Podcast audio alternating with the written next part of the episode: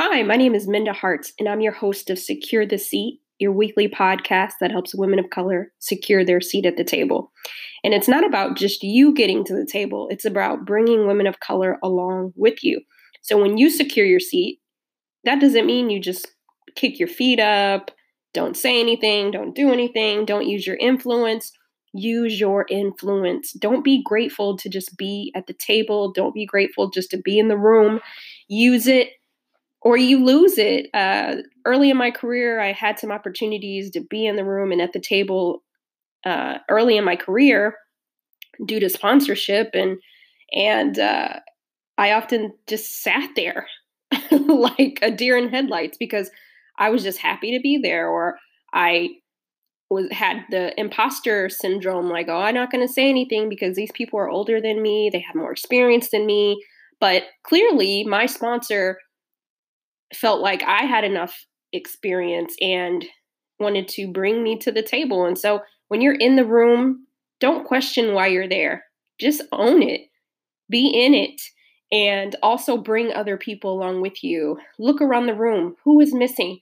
Use this as an opportunity to bring in good folks. And if you have to be the one to bring it up and say, hey, uh, we're talking about talent or we're talking about inclusion or diversity, what does that look like? Are we recruiting at the right places? What are we doing to retain the women of color that we have? And let's say you don't have any women of color in the workplace right now. What are you doing to make sure that they feel included? Recently, somebody asked me what I thought diversity and inclusion and equity looked like. And I thought about the analogy of your house. And, and I think about this because we're in the holiday season, and many times some of us host at our home if you celebrate the holiday season. And you don't typically bring your guests to a dirty house, typically. okay, follow along with me here. You clean up, you get it ready, you prepare for when they come in the door so that everybody feels comfortable, they feel included. You might even go as far as to find out what people's favorite drinks are, what their favorite desserts are they're not in your home yet, but you want them to feel included when they show up, right? You're going to clean the bathroom, you're going to make sure toilet paper's there, you're going to do all the things to make sure when people come to your home that they feel comfortable. They have a place to sit. You're not going to invite people over to your home and you have stuff all on your couch. Nobody can sit down. And that's how it feels sometimes as women of color. We're in these spaces and you did not prepare for us. You're just hmm, yeah, come on in the house. It's junky, it's dirty. There might be some microaggressions on the wall. There might be some traps along the way, but just come on in, make yourself at home. You don't feel included. You're just trying to find a place to to sit, bear, trying to fit in. And I say that from looking at two perspectives, right? If you don't have any diverse talent in your company organization right now, what are you doing to prepare? What tools and resources are you giving management?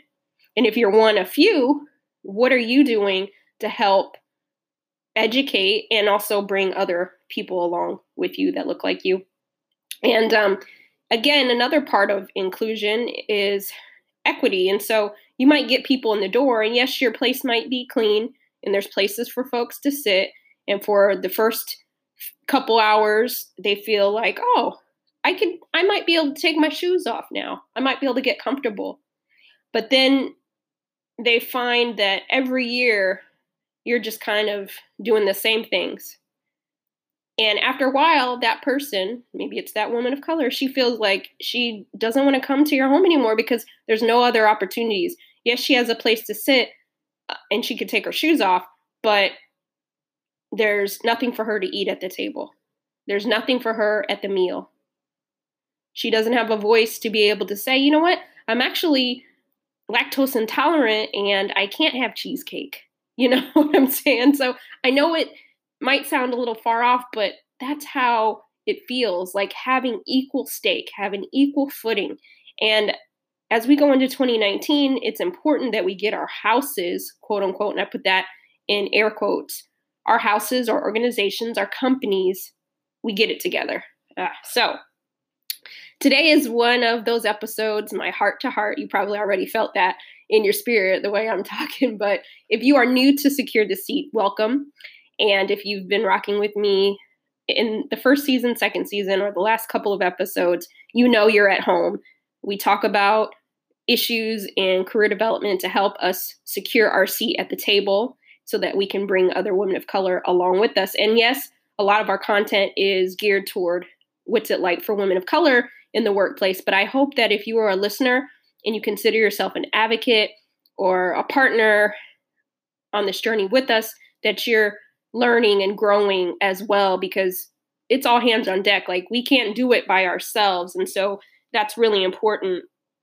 Um, so today I actually want to let you know a couple of things. So I have two more episodes that I'm going to release after this one, and then I'm going to end the season.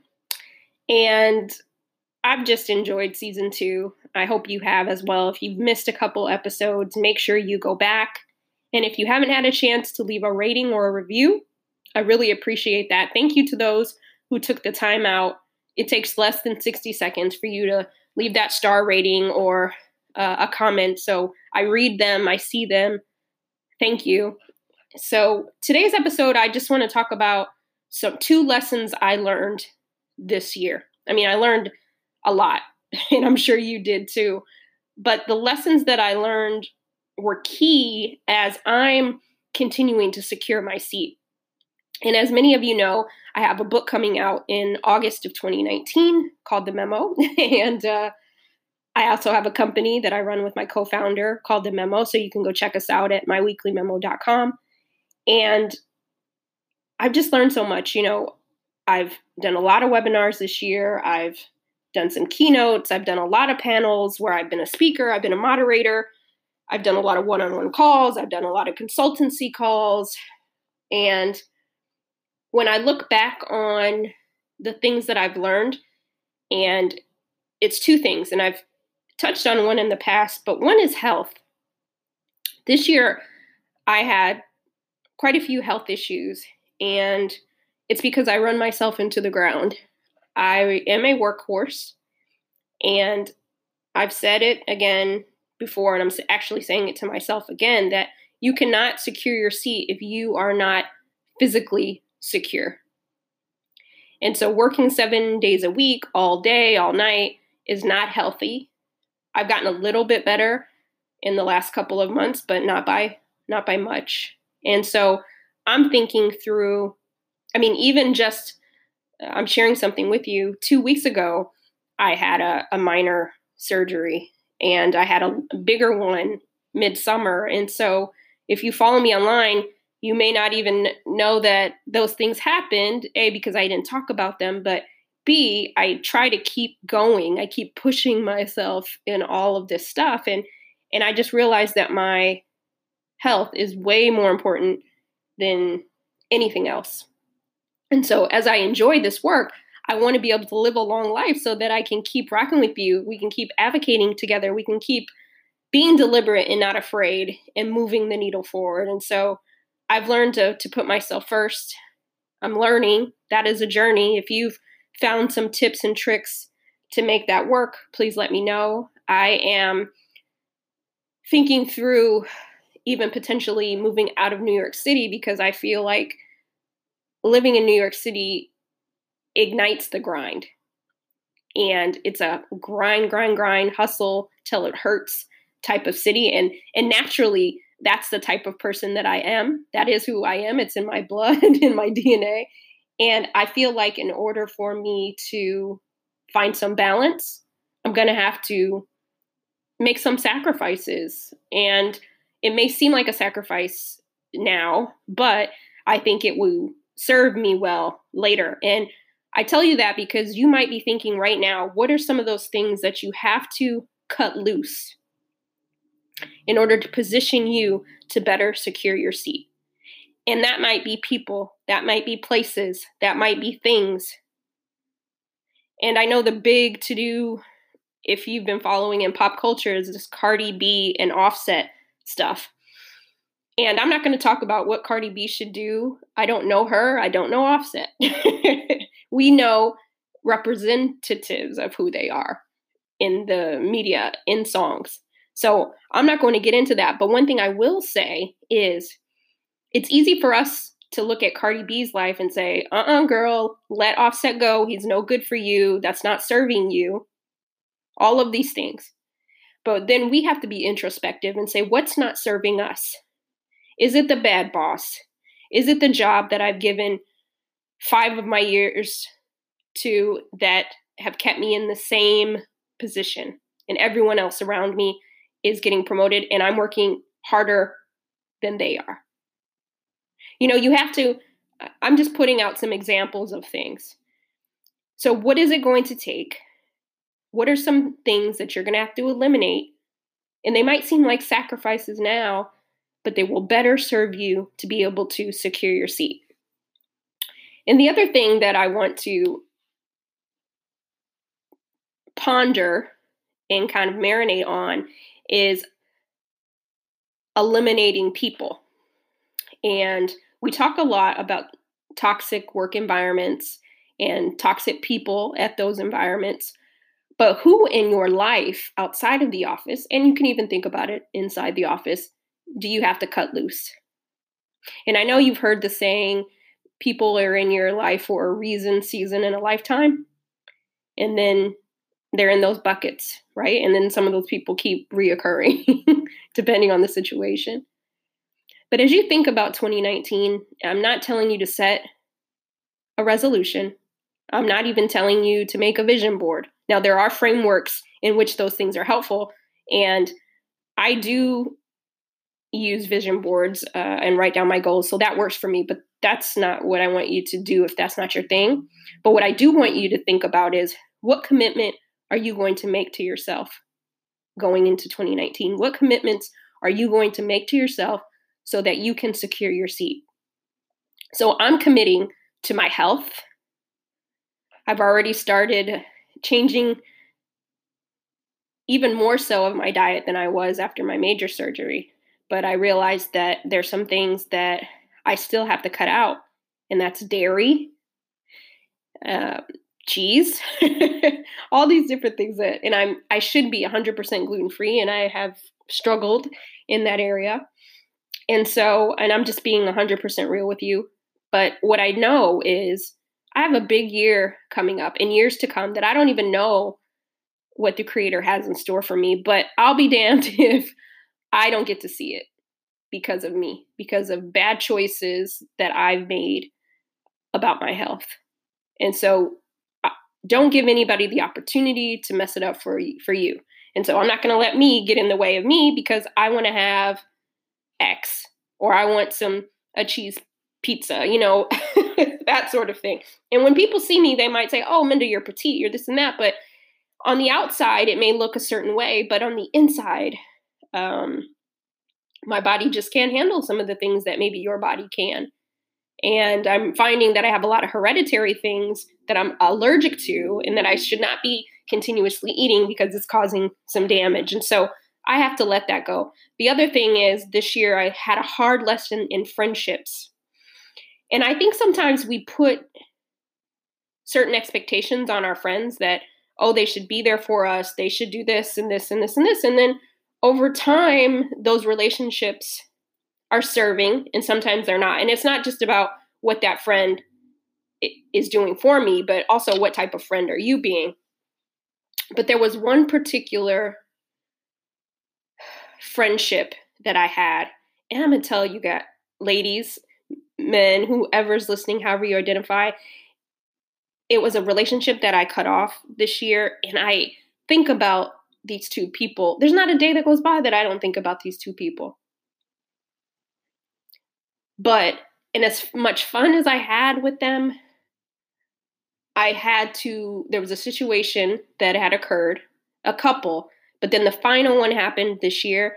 And I found that each time that something had happened, I was on always on the the bad receiving end of it and it made me feel really really horrible and as i'm moving into the next journey of life i'm not going to beg for anybody's friendship and i'm not going to sit around and not let people respect my time and my energy and my talent And I'm the type of person that I don't ask for much. So when I ask for something, I really need it, you know. And there were some things that had happened. And even in that situation, I was like, you know what? I'll forgive them. But then I sat with it and I'm like, you know what? You got to stand for something, Minda. And yes, you oftentimes lead with your heart, but relationships, and it's not that it was a toxic relationship, it was just, it was a one sided relationship after a while. And I loved them dearly. And I had to make a very hard decision. Um, I was supposed to be the best woman in, in the wedding. and I even had to pull myself out of that because I just could not continue on. And not to get tell you all my business, but I'm telling you this because sometimes we have to prune. Sometimes we have to really just assess our lives and say those people, places, things, they were great or maybe they weren't even great. But they're just not serving you anymore. They're not helping you be the best person you can be. And I would implore you as you reflect on the past year, as you think about what you want out of the next year, you want a squad, you want a network, you want people around you that you can 100% trust. And my grandmother on my mother's side, she told me this one saying and it sat with it sat with me for a long time. And she told me, she told me this when I was in grade school and I was part of the popular kids crew, right? Feeling myself. And she told me, you know, Minda, all of this won't matter much when you get older. You'll be able to count your really good friends on one hand. And at the time, I had like all these friends, right? What, what does Granny know? Um, but as I get older, her words have never been so truer in every sense of the word. I probably can really count on one hand my really, really great, good friends that are more like family than anything. And I appreciate them so much. And we don't have to talk every day, they don't have to listen to every episode of my podcast, but it's just one of those, it's just those people in your life that you know really are ride or die, at least for the season, right? I mean, I know stuff happens down the way, but people you can really trust and count on. And you need those people. So hopefully you didn't feel like this today was a rant, but it was from the heart. And as you know, a couple of episodes in the season, I do a heart to heart. And just want to pose the question again what commitment are you making to yourself? I want you to write that down. I want you to put it in your notes on your phone. I'm committing going into 2019 that I'm going to really be serious about my health because that's all I got. I only get one body and um, and I have too much work to do on this earth to leave prematurely. And then second, I'm going to commit to much healthier relationships, and I'm not going to be afraid to let go. Just because people have been in my life who I thought would be around forever, ever, forever, ever, I had to, I had to let it go. And I'm sure that there'll be others that I have to to let go as well. And you know, part of that shedding of that relationship also shed other friendships because they were tied to that. And that's a whole nother conversation. But I, I had to make a big decision on that relationship. And it caused other relationships to kind of sever because they were the nucleus of those things. And so, um, and I wish them well. I wish all all of them well, and it's still love. But I realize me going into my new season, sometimes it might be alone. And I'm okay with that. You know, I'm thankful, I'm blessed, and I do have those handful of people, family and friends, that hold me down. And so, what commitments are you making to yourself?